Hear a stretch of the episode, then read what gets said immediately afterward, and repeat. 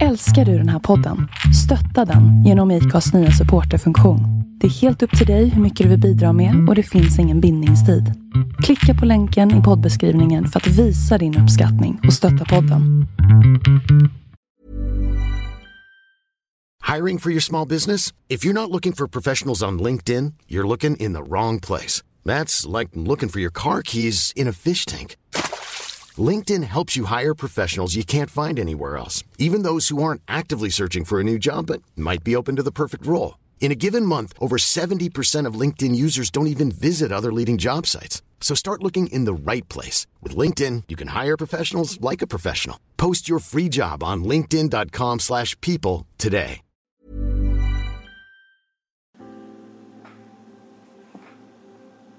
När jag var liten, någonstans i nioårsåldern, hade jag en lärare som hette Kent. En lärare av dåtidens nya skola. Han var inte särskilt gubbig eller sur, utan älskade att undervisa. Jag var nog en ganska jobbig elev skulle jag tro. Idag hade jag säkerligen kategoriserats som någon sorts bokstavsbarn. Men då var det ett extremt ovanligt uttryck, om det ens existerade. Hur som helst, i tredje klass undervisade Kent oss i biologi, eller det som skulle komma att kallas biologi. Jag har en stark minnesbild av dessa lektioner på Lästringens skola.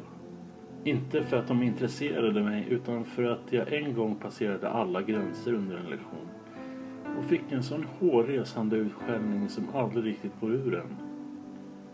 Än idag när jag blir utskälld av någon anledning, inte minst av mina barn, så kommer den där skammen över mig på ett sätt som känns lite som när Kent drog igång sin hårtork. Lektionen i fråga handlade om vårt kretslopp. Onekligen brann Kent väldigt för vårt kretslopp. För denna hårtorken han gav mig blev så otroligt personlig. Och jag minns tydligt hur han avslutade sin utskällning. Och en dag, herr Lappalainen, kanske även du i ditt liv kommer av nytta av att veta hur ett kretslopp egentligen fungerar. Kent, den där dagen är kommen. Idag tänker jag på kretslopp, men kanske inte fullt ut på det sättet som du hade tänkt. I Johannes evangelis 17 kapitel, vers 26 och 27 säger Jesus Den dagen ska ni be i mitt namn. Och jag säger inte att jag ska be i Fadern för er. Till Fadern själv älskar er eftersom ni har älskat mig och trott att jag kommer från Gud. Om man någon gång har satt sig ner och funderat kring hur allt hänger ihop så har man säkerligen kommit över denna tanke. Hur hänger allt ihop och vad är egentligen syftet? Jag tänker att världen är full av människor.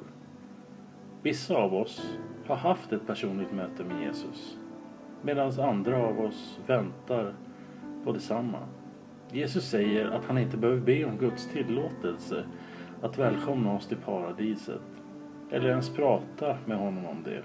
Det är självskrivet att om vi tror på hans son så är vi lika välkomna som han som kommer sitta vid Guds högra sida. Jesus uppdrag av sin far var att ge oss en liten glimt av vad livet där hemma egentligen innebär. Hans uppdrag är att ta hem oss efter att vi har fått komma till den här världen. Men det är ett flerdelat uppdrag. Jesus har fullföljt det han har tagit på sig att lösa. Nu går stafettpinnen till oss som erkänner Jesus och som älskar honom. Uppdraget kommer ifrån Gud till Jesus och till oss. Att leda så många människor vi kan till Jesus och sedermera till Gud. Det finns miljoner sätt att göra det utan att för den delen tumma på något eller låta budskapet urvattnas. En del gör det genom att beskriva budskapet kring Jesus. Kanske genom att argumentera kring texterna. Andra gör det genom handling, att bli missionärer eller volontärer. Och på det sättet sprida kärleksbudskapet. Kärleksrevolutionen. Men kretsloppet tar inte slut där och spridningen om Jesus gör det definitivt inte. Nästa steg kan vara att vi genom våra församlingar hjälper människor som ser kyrkan som en naturlig plats. En plats av värme och kärlek. En plats där man kan få sin temporära nöd tillgodosedd. Oavsett om det handlar om att mätta en hungrig mage eller en törstande själ. Och nästa gång kanske den personen sträcker ut sin hand till en annan person i nöd. Antingen genom sin egen generositet eller genom att ta dem till kyrkan och låta kretsloppet fortgå. Jag tror att Carl Gustav var rätt. Det är inte ofta jag säger det, men den här gången kan han vara rätt ute.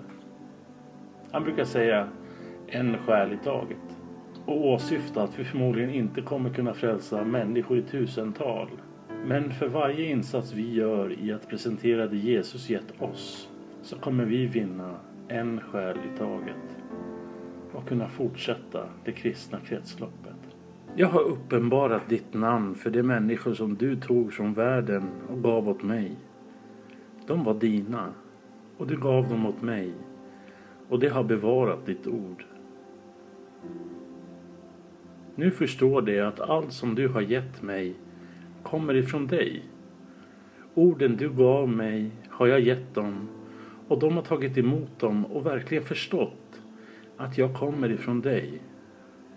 Och de har trott på att du har sänt mig. En själ i taget. Så bygger vi det kristna hoppet. En själ i taget.